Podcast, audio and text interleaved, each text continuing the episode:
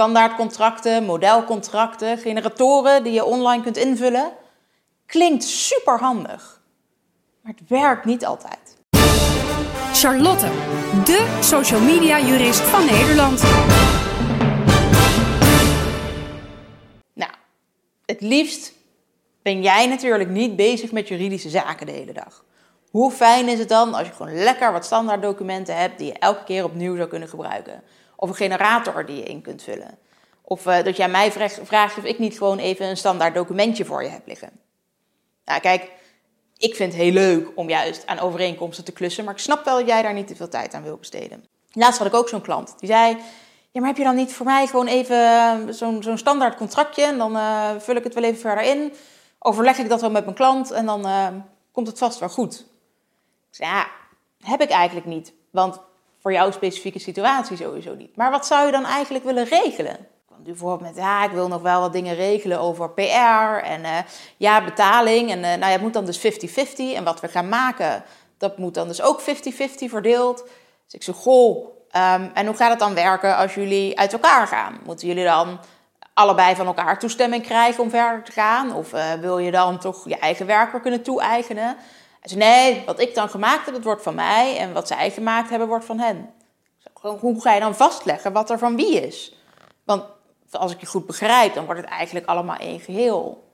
Ja, dat was wel zo, maar het moest toch zo opgesplitst worden. Ja, kan er wel een standaard contractje voor geven, van een soort eh, standaard licentie. Maar er staat dit dan allemaal niet in. Niks over die PR, niks over hoe je het dan verdeelt. Überhaupt niks over wat je dan allemaal inbrengt.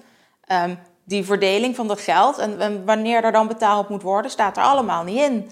Want ja, je wil iets wat helemaal niet zo standaard is.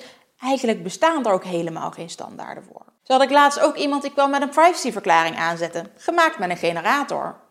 Waren allemaal dingen dat ik zeg, goh, maar dit ontbreekt nog, dat ontbreekt nog, zus ontbreekt, waarom staat dit er niet in? Maar wel een hele uitgebreide lijst met welke gegevens er verzameld worden, met welke grondslag en welk doel. Maar bijvoorbeeld het gerechtvaardigd belang, waarvan je steeds de belangenafweging moet opschrijven en moet uitleggen, dat stond er dan weer niet in. Ja, klopt die generator dan niet? Of is dit gewoon iets wat eigenlijk niet zo goed te doen is met een standaardcontract? Kortom, je moet juist uitkijken tot zo'n standaardcontract, wat je heel erg makkelijk in elkaar kunt zetten natuurlijk. Want ja, het ziet eruit als een invulformulier, of je hebt een generator met gewoon wat vragen die je beantwoordt. En nou ja, dan ben je er, hè? dan hoef je verder eigenlijk niks meer te doen.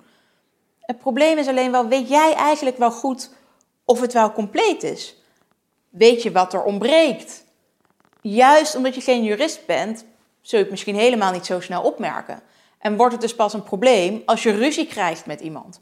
Of als het om een privacyverklaring gaat, wanneer je gecontroleerd wordt door de autoriteit persoonsgegevens. Je komt er pas veel te laat achter dat het niet klopt. Daarom is het soms zo interessant om niet zelf maar gewoon met zo'n modelletje aan de slag te gaan, maar op zijn minst daarover samen te werken met iemand anders. Zodat er een ander is die jou continu vragen kan stellen. Ja, maar hoe wil je dan dit geregeld hebben? Hoe gaat het dan als je dat en dat doet? Wat zijn de consequenties van deze regel? Zodat je zorgt dat het in elk geval een compleet document wordt en je weet dat alles geregeld wordt zoals jij ook daadwerkelijk werkt. En niet dat jij je aan moet passen op dat standaard document. Want laten we wel weten, die letters op papier, die kunnen niet lezen hoe jouw brein werkt. Die kunnen niet weten hoe jouw onderneming werkt. Kortom, zorg ervoor dat jouw werkwijze en jouw onderneming centraal staat. En schrijf op basis daarvan een contract.